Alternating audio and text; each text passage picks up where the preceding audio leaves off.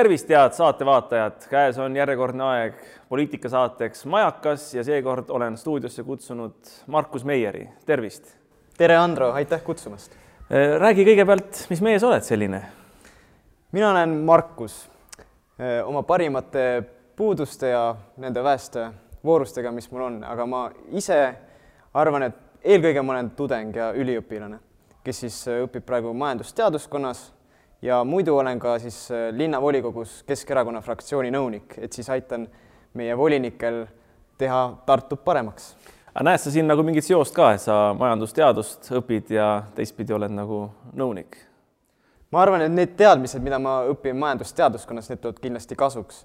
et äh, see majandus, äh, see programm, mida me õpime, see on tegelikult väga laiapõhjaline ja siit saab väga palju isegi siis, kui sa otseselt ei tegele äh, poliitikaga näiteks, vaid ka laiemas elus tuleb kindlasti kasuks aga näita või näiteks, et millised need äh, nõuniku ülesanded on, keskfraktsiooni nõuniku ülesanded, et mil, mis teemadega tuleb tegeleda?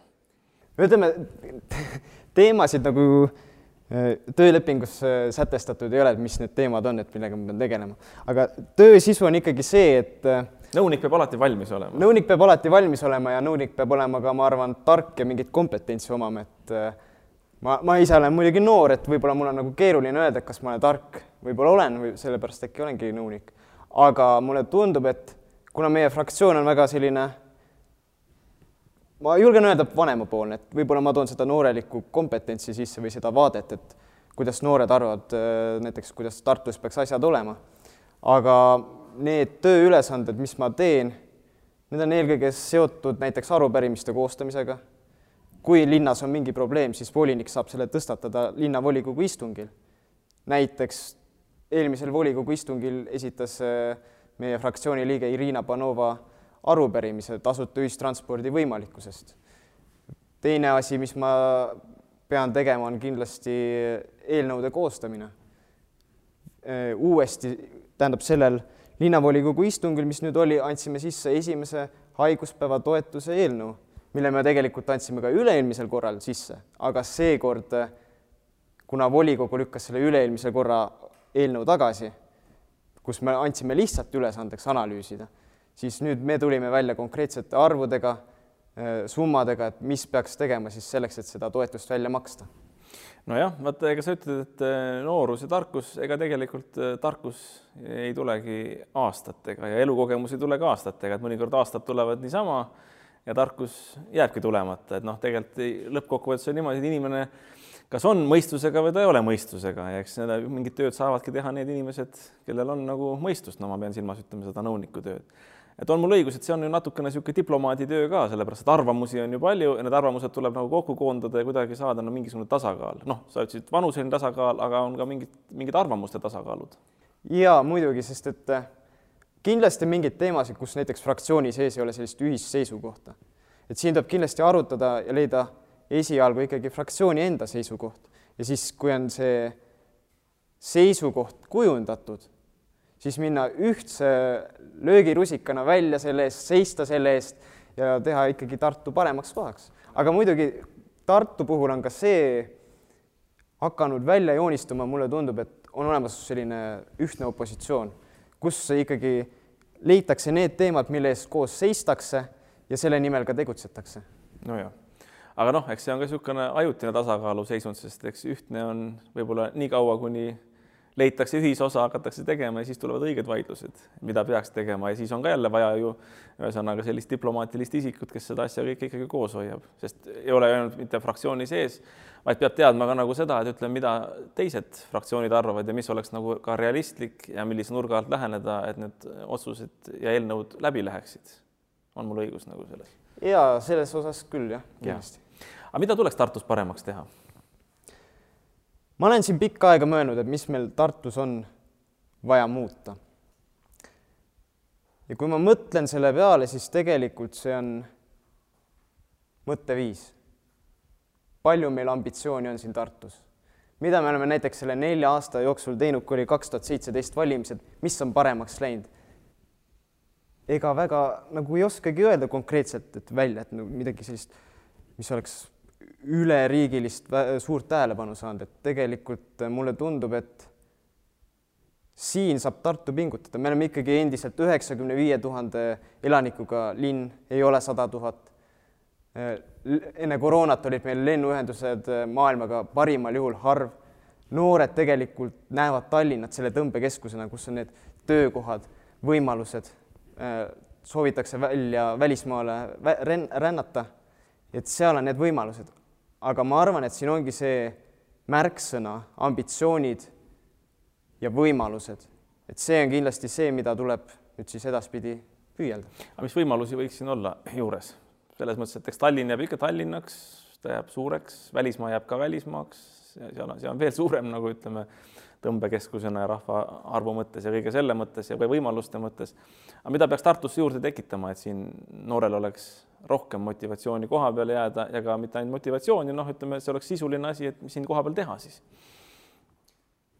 siin päris paljud poliitilised jõud on rääkinud sellest Tartu Arena mõttest, kus on siis perekeskus, kus on võimalus kontserte korraldada, spordivõistlusi, et tegelikult mulle tundub, et see on üks selline arengumootor, mis suudab sellise, ütleme, esialgse hoo sisse anda, et kuidas asjadega edasi minna. kui ma käisin jaanuarikuus ühel debatil välistudengitele mõeldud, siis kus oli, et siis ma tõin ka selle välja, et meil Tartus ei ole sellist ambitsiooni, et me saame küll selliste bürokraatlike, administratiivsete lahendustega nagu hakkama, et noh, et linnas ju tegelikult elu käib, sellised igapäevaasjad saavad tehtud, aga tegelikult äh, välistudengid ise ka ütlesid, et, et polegi nii paha mõtet, kui Arena Tartu oleks.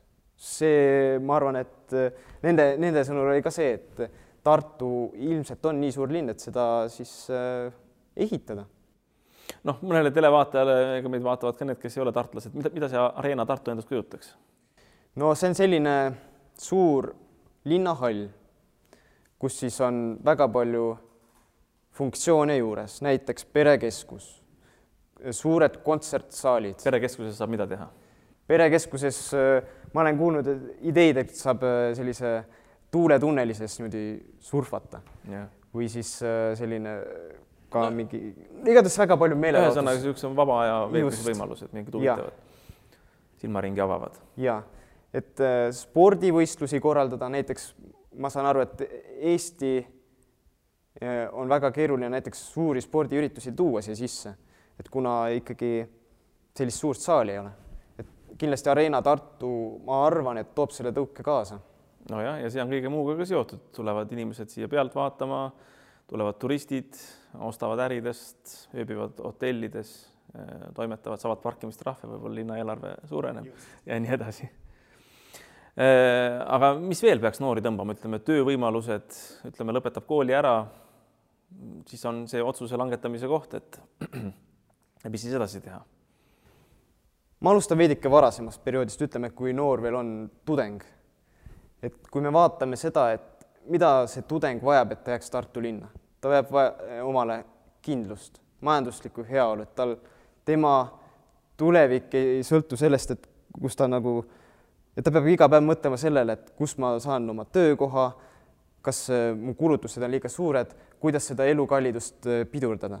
ja mina näen, et tegelikult üks koht, kus äh, me saame transpordikulud kokku poole tõmmata, ongi just see, kui me kehtestame Tartu linnas tasuta ühistranspordi, tasuta bussisõidu, sest et mulle tundub, et kui meil on tasuta bussisõit, siis see on ka Tartu võit.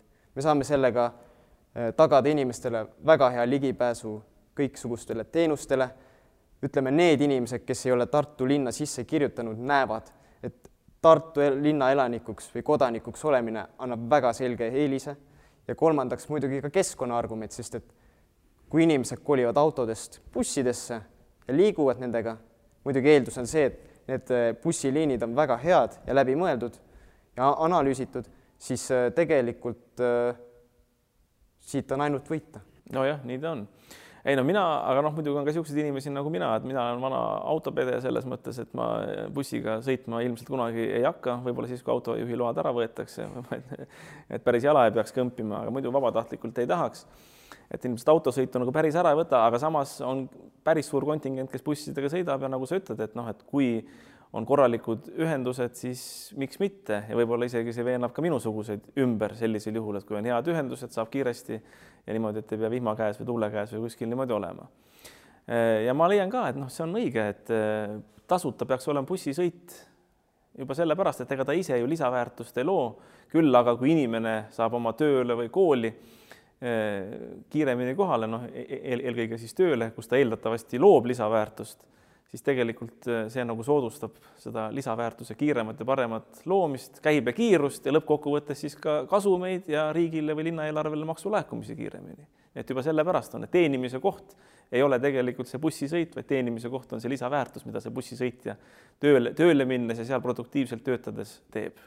minu arust see oleks nagu see, see põhiline, põhiline asi, kus ma nagu majandusmehena nagu näen seda asja. ja ma, mulle tundub see pisut kõnekas ka, et tegelikult üle maailma hakkavad linnad seda tasuta ühistranspordisüsteemi juurutama, võtame näiteks kas või äh, Dunkirk Prantsusmaal, kus äh, samamoodi umbes Tartu suurune linn kehtestas tasuta ühistranspordi ja inimeste liikuvus on seetõttu paranenud. Ja muidugi ka inimesed on kolinud autodest siis bussidesse. samamoodi öö, on neid linnu veel palju, kas või Eestis Tallinn. Äh, võtame maakonnaliini bussid, siin räägitakse küll, et, et see on riigi raha raiskamine, mingit lisandväärtust ei tooda, aga kui me vaatame näiteks Tartu-Elva liin, äh, see kasutusprotsent tõusis viisteist protsenti, me räägime sellest, et inimesed reaalselt liiguvad äh, bussidesse ja soovivad teenuseid tarbida, soovivad tööl käia ja see annab selle mobiilsuse. ei nojah, ilmselt käivet tuleb nagu juurde. just et enne ta võib-olla jätaks minemata Google'i poodi, aga kui tal lihtsam on minna, läheb ja raiskab selle raha ära ja ja tuleb käivet ja tuleb käibemaksu ja, ja muid asju ka. Eh, nii ta on, aga ütleme, mingi samm edasi oleks siit ka näiteks parkimine, kas parkimine ei võiks olla tasuta, sest noh, mind isiklikult, ma olen seda korduvalt öelnud, häirib see või vanasti häiris, kui kontor oli nagu seal kus siis ütleme, tasu, tasuta parkimine oli küll poolteist tundi, aga noh, tööpäev kestab kaheksa tundi vähemalt ja pean kuhugi teise linna serva jätma, noh muidugi võimalus on ühistranspordiga tulla, seda ma ei viitsi teha ja ma arvan, et noh. aga sa peaks proovima ikkagi. jah, aga no ütleme praktilisest küljest, et minusuguseid on veel, eks ole, ja see pahandab, kui sa pead teisest linna otsast kõmpima, ei raatsi nagu parkimispiletit ka osta ja niimoodi ei taha linnaeelarvet nagu täita selles osas. aga lõppkokkuvõttes näiteks, kui mina kõmbin tööle kümme minutit, aga minusugused on näiteks tuhat tükki, see on kümme tuhat minutit, see on juba teisendatav teatud inimeste täistöökohaga ajaks või täistöökohaks, sellega on seotud palgamaksud, palgad, lisaväärtus, mida luuakse, skp, eks ole. kas siin ei oleks mõistlik nagu läheneda sellele, et ütleme siis parkimine oleks ka tasuta? vähemalt, vähemalt Tartu kodanikele, ütleme boonusena. no see, see on selline hästi libe tee, mulle tundub, et kui mm, kui selliseid tasuta parkimisalasid luua, et tegelikult äh, küsimus on ikkagi selles, et kas me soovime, et meil on rohkem autosid või me soovime ikkagi seda, et kas me, inimesed saavad nagu paremini tööle. võib-olla mul on raske nagu selles osas kaasa rääkida, et ma ise ei ole autoomanik, et ma väga ei liigu autoga. aga selles suhtes seda tasub kaaluda, et mis selle mõjud on. Mingi, mingil põhjusel ma arvan, et see on põhjusega nii, et meil ei ole parkimine tasuta. aga miks mitte seda uuesti analüüsida. aga noh, teatud otsused tehakse lihtsalt puusalt ka ja võib-olla tehti kunagi minevikus, aga olud on muutunud selles mõttes. seda enam tuleb analüüsida. tuleb analüüsida, sest noh, võimalus on ka ju see, et rajada parkimismajasid, aga mitte kommertsalustel, vaid näiteks ütleme linna poolt doteerituna. ja see on ka võimalik tegelikult, kui ma mõtlen sellele perioodile, mis ma olen volinik olnud volikogu siis nõunik olnud, et tegelikult meil on olnud teema näiteks Annelinnas selle parkimisega, et äh, see on väga keeruline teema, et kui me vaatame, et Annelinna linnaosa on ju tegelikult planeeritud selle järgi, et mis olid vanasti no,, jah ja., et siis oli vast ütleme ühe kortermaja peale kokku võib-olla viis autot. nüüd on meil iga korteri peale üks auto, et need mastaabid erinevad ja siin tuleb leida neid kompromisse, lahendusi, kuidas need parkimismured ära lahendada jah, ei, ma mäletan isegi, olen Annalinnas elanud ja oli jällegi variant, et ühesõnaga, kas minna kommertsalustel parklasse, no see on nüüd pankrotti läinud, siis keegi ei taha sinna minna millegipärast. no ikka, ikka loetakse nagu oma raha, raha on alati puudu kuu lõpus, nagu tead, ja ei taha sinna panna neid kulusid. ja teine variant oli see, et ikkagi noh, slikerdada niimoodi, et perekonnas võib-olla on kaks autot et alati siis, kes ees, see mees, et mõni peab siis pahasena minema naabermaja parklasse ja siis keegi saab seal pahaseks. nii et see tekitab nagu ka inimestevahelisi pingeid, selles mõttes mulle tundub. ja see oleks eriti õudne, kui linnavalitsus ajab inimesed omal nagu oma linna elanikud lihtsalt tülli üksteisega. aga, aga linnavalitsus on võimalik seda tüli näiteks lahendada, et ongi näiteks see, et Anne linna või niisugusesse kohtadesse, kus on noh, omal ajal tehtud planeeringud, need enam sisuliselt ei tööta, kuna rahvaarv on kasvanud, autode arv on kasvanud, nii edasi rajataksegi, ütleme siis linna doteeritud mingisugused parkimismajad. Ja võib-olla see, et inimesed on rõõmsamad, lähevad suurema entusiasmiga tööle, ei ole naabritevahelisi pingeid, kasvab töö produktiivsus, kasvavad ka laekumised, muuhulgas linna eelarvesse, et võib-olla see doteerimine on hoopis väiksem kulu kui see, mis ta tuluna sisse toob. absoluutselt. aga mida veel noortele, ütleme noh, parkimisest, bussitranspordist, ma arvan, ainuüksi ei piisa, et siin peaks midagi muud olema veel, töökohad sa küsid minu käest, kuidas töökohti luua. ma arvan, et kõik algab sellest, et meil on selline ettevõtja sõbralik keskkond, kus ütleme, ma arvan, et sa oskad ise siin palju paremini kaasa rääkida selles osas, et mis ettevõtja vajadused on. ma kogun mõtteid. ahah, ja tegelikult noh, noore puhul võib-olla see startup keskkond mõnes mõttes, mida meile nagu on räägitud, et kuidas oma ettevõtlust alustada, et, et see võib-olla võiks olla palju toetavam. kui me võrdleme näiteks Tallinnaga, siis seal on kuidagi see nagu iseenesest kasvav, muidugi seal on ju neid võimalusi rohkem. aga küsimus muidugi on selles, et kuidas me Tartus need võimalused saame tekitada. aga peaks olema siin võib-olla ka noh, üks asi on noh, startup, need on ilmselt niisugused ka tugitooli inimesed, ka ülikooli inimesed, ütleme siis niimoodi, no valgekraed, aga sinikraedele, ütleme sellised töö, töölisnoortele, et mis peaks välja kasvama kutsekoolides, noh, lõppkokkuvõttes pahteldajad, krohvijad, müüriladujad, ka nendest on tegelikult ju puudu Tartus. meil on olnud äh, erakonnas just sellist kaks mõtet vähemalt, et äh, esimene neist on see, et meil on mingi kutsehariduse nõukoda, kus me saame kohalikud sellised tööjõuvajadused ära kaardistada, et kuidas, kuidas me soovime, et kui palju neid siis näiteks tuleb tööturule et siis saame nii-öelda kuidagi tellimustega seda reguleerida, sest et Tartu Kutsehariduskeskus peaks olema linna omandis. no aga kas seda ei oleks mõistlik niimoodi korraldada, et ütleme noh, linn ei pea ju olema ainult linn kui juriidiline isik, ta võiks olla ka ju see noh, kellel on infopank, sisuliselt info, mis ettevõtted siin tegutsevad, tal on ka autoriteeti, kutsuda kokku ja kaardistadagi selles mõttes ära, et näiteks kutsuda kokku minu pärast Tartu ehitusettevõtjad.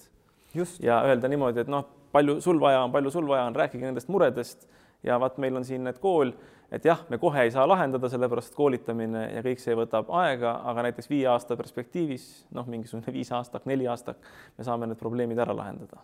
me saame, saame teile ette anda siis neid töölisi, kes hakkaksid tööle ah,. nüüd tuli üks mõte meelde, et Tartu linn saaks juba tegelikult täna ära teha selle, et me loome praktikabaaside nimekirja, kes on Tartu linnas. See oleks väga suur abiks praegu näiteks ütleme, tudeng või õpilane ei teagi, et kust, kuhu kirjutada või millele, et tegelikult tudengil või õpilasel ei ole seda ülevaadet no, mis jah. ettevõtted on. nojah, ta ütlem... see on lihtne samm, see on vaja lihtsalt ära teha, aga miskipärast ei ole tehtud. nojah, sest noh, praegu on tegelikult niimoodi, et igaüks on omal käel, et vaatab, et noh, midagi tuleb meelde, kas on meediast kuulnud või midagi, et ah, kirjutaks sinna, vaataks, et see meeldib aga võib-olla peaks olema tõesti üks niisugune veebileht, üks emaili aadress näiteks või üks kont-, kontoora telefoninumber, kus helistada, öelda, et näed, vaata, mul on selline profiil, tahaks teha selliseid asju, siis lüüakse kataloog lahti, no tänapäeval elektrooniline ja öeldakse, et aga näed, vaata, et need, need, need võimalused oleks, oleks olemas ja teistpidi ka, et ettevõtjad saaksid anda neid tellimusi nagu sisse, no omamoodi tööbörs tegelikult ju, mis, mis nagu võiks olla. ja absoluutselt. Äh, aga ütleme midagi veel, kas keskpargist, millised noorte seisukohad on keskpargi osas, on pooldavad, on vastased, on neutraalsed, ükskõik? mulle tundub, et järjest enam hakkavad äh, noored ka oma silmi avama. et tegelikult mulle tundub, et see on lihtsalt ühe administratiivprobleemi, meil on lihtsalt kaks asutust, kus on linnaraamatukogu ja ja siis Tartu Kunstimuuseum, mille ruumipuudus on vaja ära lahendada. ja sellele on lihtsalt riputatud juurde erinevat kulda ja karda, et see on midagi täiesti kolossaalset, midagi ennekuulmatut siin regioonis või üldse riigis. tegelikult seda ei ole. ja meil puudub ju ülevaade ka sellest, et mis selle sisu on. aga võib-olla ta ongi sisutu. noh, sisu ongi nagu see, et raha on kõigepealt vaja, raha on eraldatud, nüüd on hea, nüüd saab hakata kulusid planeerima ja vaadata, et eh, kes siis need kulud tuludena vastu võtavad. ja, aga siin on ka teine mõõde, et mida me tahame keskpargist, kas see peaks olema selline mõnus ajaveetmiskoht või peaks see olema hoonestatud, mulle tundub, et see peaks olema esimene. mina võrdleks seda, et see on New Yorgi Central Park, mitte keegi ei ehita ju sinna mingit hoonet, sest et see on püha koht ja sinna tulevad inimesed kokku. nojah, seda enam, et ütleme, need majad, mis praegu on, ühel hetkel ikkagi võib-olla lammutatakse ära, mis ei ole nüüd väga ajaloolised, ehitatakse kõrgema tasemele, see tihedus, kõik liiklustihedus, kõik kasvab, midagi rohelist võiks ju jääda ka kesklinna. just, ja mulle tundub ka nii, et see keskpark on nagu meelega jäetud sellisesse räämasse olekusse, et et nüüd saab praegune linnavalitsus tulla, näidata, et meil on nüüd ideaalne plaan, kuidas sellega käituda või mida teha. aga tegelikult te oleks pidanud sellega juba ammu tegelema, sest et äh, ei ole mitte kellelegi uudis, et see park võiks olla palju paremas seisukorras. Ta võiks olla palju paremini planeeritud, seal võiks olla rohkem, see rohelus võiks olla hoopis, kuidas öelda, selline hooldatum, et ta ei jätaks sellist räämast muljet, et äh, ma arvan, et kui me vaatame näiteks delta treppi, mis on ka nüüd viimastel päevadel väga kuumaks läinud, et Tartus tegelikult äh, mulle tundub, et on puudus just sellistest piknikuparkidest, et miks mitte keskpargi seda potentsiaali ära kasutada? no ei, sul on õigus ja noh, sa ütled räämas, aga minu arust nagu, kui me vaatame täna ühiskondlikku arengut, see on võib-olla natuke laiemasse konteksti panemine, siis niisugused äh, roosa maailmavaatega inimesed, kes sageli ütlevad, nad on ka rohelised ja niimoodi Eh, no ma ei ütle midagi rohelise maailmavaate vastu, mulle meeldib, ma ise pean ennast ka rohelise mõtteviisi kandjaks, mulle meeldib loodussäästlik elu ja, ja kõik selline muidugi mõistuse piires aga noh, see on ka niimoodi, et noh, kasvatatakse endale mingid habemed, mida ei piirata, eks ole, lastakse juuksed pikaks kasvada. Eh, koduhoovis lastakse, ütleme siis hein vohada, kust tulevad puugid ja asjad ja noh, ühesõnaga, et niisugune korratus on nagu siis uus kord või uus normaalsus. et noh, ma olen kogu aeg mõelnud, et võib-olla Tartu linnavalitsus on ka nagu sellest nakatunud, kui ma eelmine suvi kasvõi sealt keskpargist läbi läksin ja vaatasin, et suured heinaväljad on ja oli juures sildid, et vaata, see ei ole heinaväli, et see on nagu siis loodushoidlik või mis, mis iganes asi seal oli. Siin on see teema, et tuleks mõelda, mul iseenesest ei ole selle vastu midagi, kui kuskil näiteks on veidike kõrgem rohi ja seal on elurikkus. ei nojah, aga kas, kas see silt peab seal juures olema, võib-olla inimesed peaksid aru saama, et see on elurikkus inimestel peab õpetama. seal praegu ongi siltki juures, vaata. siis nad õpivad. jah, aga seal on see probleem, mulle tundub, et tegelikult on vaja sellist üldist vaadet, et milline park meil on selline, kus on meil kõrgem rohi, kus on meil madal muru, et sellist kokkulepet või ootust või vaadet meil tegelikult linnas ei ole. nojah, ja siis ta võiks olla niimoodi, et kakskümmend aastat on seal elurikkus ja et ei ole niimoodi, et üks aasta niidetakse, siis võetakse poliitiline otsus vastu, et nüüd pole elurikkust enam vaja ja nii edasi, siis võiks ollagi niisugune noh, sest see oleks omaette traditsioon ju tegelikult. Ja võib-olla ka omaette vaatamisväärsus, et tullaksegi Tartu kesklinna, öeldakse, et näed, vaata siin keset Tartu kesklinna on meil rajatud heinamaa näiteks või midagi taolist aga sa ei vastanud küsimusele, kuidas noored, no et on silmi avamas, äh, aga kuidas üldine foon on nagu, et kas pigem ollakse poolt või pigem vastu? ja mis need põhjused on, et ühel pool ja ma pool? esialgsest vastusest läksin kuidagi kaarega ümber, mulle tundub, et järjest enam äh, nad näevad, et tegelikult sellel äh, kultuurimaal ei ole mingit mõtet seal kohas. et ikkagi, kui meil on näiteks Tartu linn võtnud vastu energia ja kliimakava kus me soovime saada kliimaneutraalseks linnaks aastaks kaks tuhat viiskümmend ja siis nüüd lähme keskpargi puude kallale, raiume need maha, siis ma arvan, et see ei ole kooskõlas ja ma arvan, et noored ise ka näevad seda, ega nemad rumalad ei ole. ei no seda kindlasti. aga vot siin professor Olev Raju on äh, rääkinud seda, et noh, raamatukogud, milleks üldse raamatukogud võib-olla panna noh, ütleme siis mõned raamatud, mida säilitatakse, mitte mõned, aga noh, need raamatud, mida siis säilitatakse arhiivi näiteks kuhugile ERM-i näiteks luua seal ruumid ja tulevane raamatukogu on digiraamatukogu. no ma ei tahaks temaga nõustuda, aga samas mul on nagu mõte, et, et võib-olla see ei olegi nii vale tulevikus, et noh, kas, kuidas sina vaatad sellele asjale, et kas raamatukogu tänasel kujul on vaja või võiks seda kuidagi teistmoodi käsitleda, eriti nüüd siin pärast koroonat ja, ja kõiki neid asju? kui me näiteks vaatame külaraamatukogusid siis tegelikult need funktsioonid, mis neile on pandud, need on aja jooksul hoopis laienenud, seal on näiteks avaliku interneti punkt, võib-olla saab midagi laenutada. inimesed tulevad kokku, suhtlevad omavahel. just, ta on nagu kogukonnakeskus. ma tahaks loota, et see tegelikult, see kontseptsioon jääb alles. küsimus on nüüd selles, et kas ka Tartu linnas on juba tegelikult midagi sarnast olemas, sellist kohta, kus äh, saadakse kokku. ütleme, mingid kultuuriasutused on tegelikult, meil on ju teater Vanemuine, meil on erinevad spordiasutused ja nii edasi ja nii edasi. külades näiteks neid ei ole ja seetõttu on väga oluline, et need tegelikult ütleme, need külaraamatukogud oleks alles. jah, aga Tartu jaoks tegelikult see raamatukogu mõte kindlasti ei ole see, mis on, ütleme, mingisuguse Kapa-Kohila jaoks. just. nii et siin saaks nagu teisi lahendusi ei pea nagu üheksateistkümnenda sajandi poole nagu pilguga tingimata vaatama ma siis vastan nüüd algsele küsimusele ka, et mis siis selle raamatukogu tulevik on. no ma ise loodan ka siis, et tegelikult, et need, et me ei, ei koli päris sinna digimaailma ära, et äh, ma arvan, et paberraamat ikkagi pakub seda elamust. aga sa ütlesid väga huvitava mõtte, mis mulle meeldib, mida ma arvan, et tegelikult oleks vaja, aga mul ei ole lahendust. võib-olla arutame selle üle saate lõpetuseks. et noh, ütlesid, et väikestes kohtades raamatukogu on koht, kus inimesed tulevad kokku, saavad kokku, suhtlevad, see tähendab seda, et see on nagu ühendav punkt, mis võib-olla isegi aitab kaasa selle piirkonna identiteedile ja ja ütleme arengule selles mõttes, inimesed arutavad teatud küsimusi läbi ja jõuavad mingitele tulemustele ja võetakse mingid otsused vastu, tehakse ära midagi. Tartus on see asi nagu killustatum, et kas Tartus ei võiks olla, noh, sa rääkisid areenast, aga mingi selline asi, kus käiks kõik tartlased, mis oleks nagu Tartu sümbol. no üli, üliõpilased vähemalt vanasti käisid ülikooli raamatukogus kõik, et see liitis nagu teaduskonnad kokku. aga mis võiks olla selline objekt, mis liidaks kokku tartlased see on väga hea küsimus. või see tegevus, võib-olla see ei pea objekt olema, et olgu need eestlased, venelased. tead, mis see on või? see on Emajõgi. see on Emajõgi koos äh, nende erinevate äh, jõe transpordivahenditega, need on, ütleme, Emajõe promenaadid, erinevad välikohvikud, erinevad tegevused seal ääres.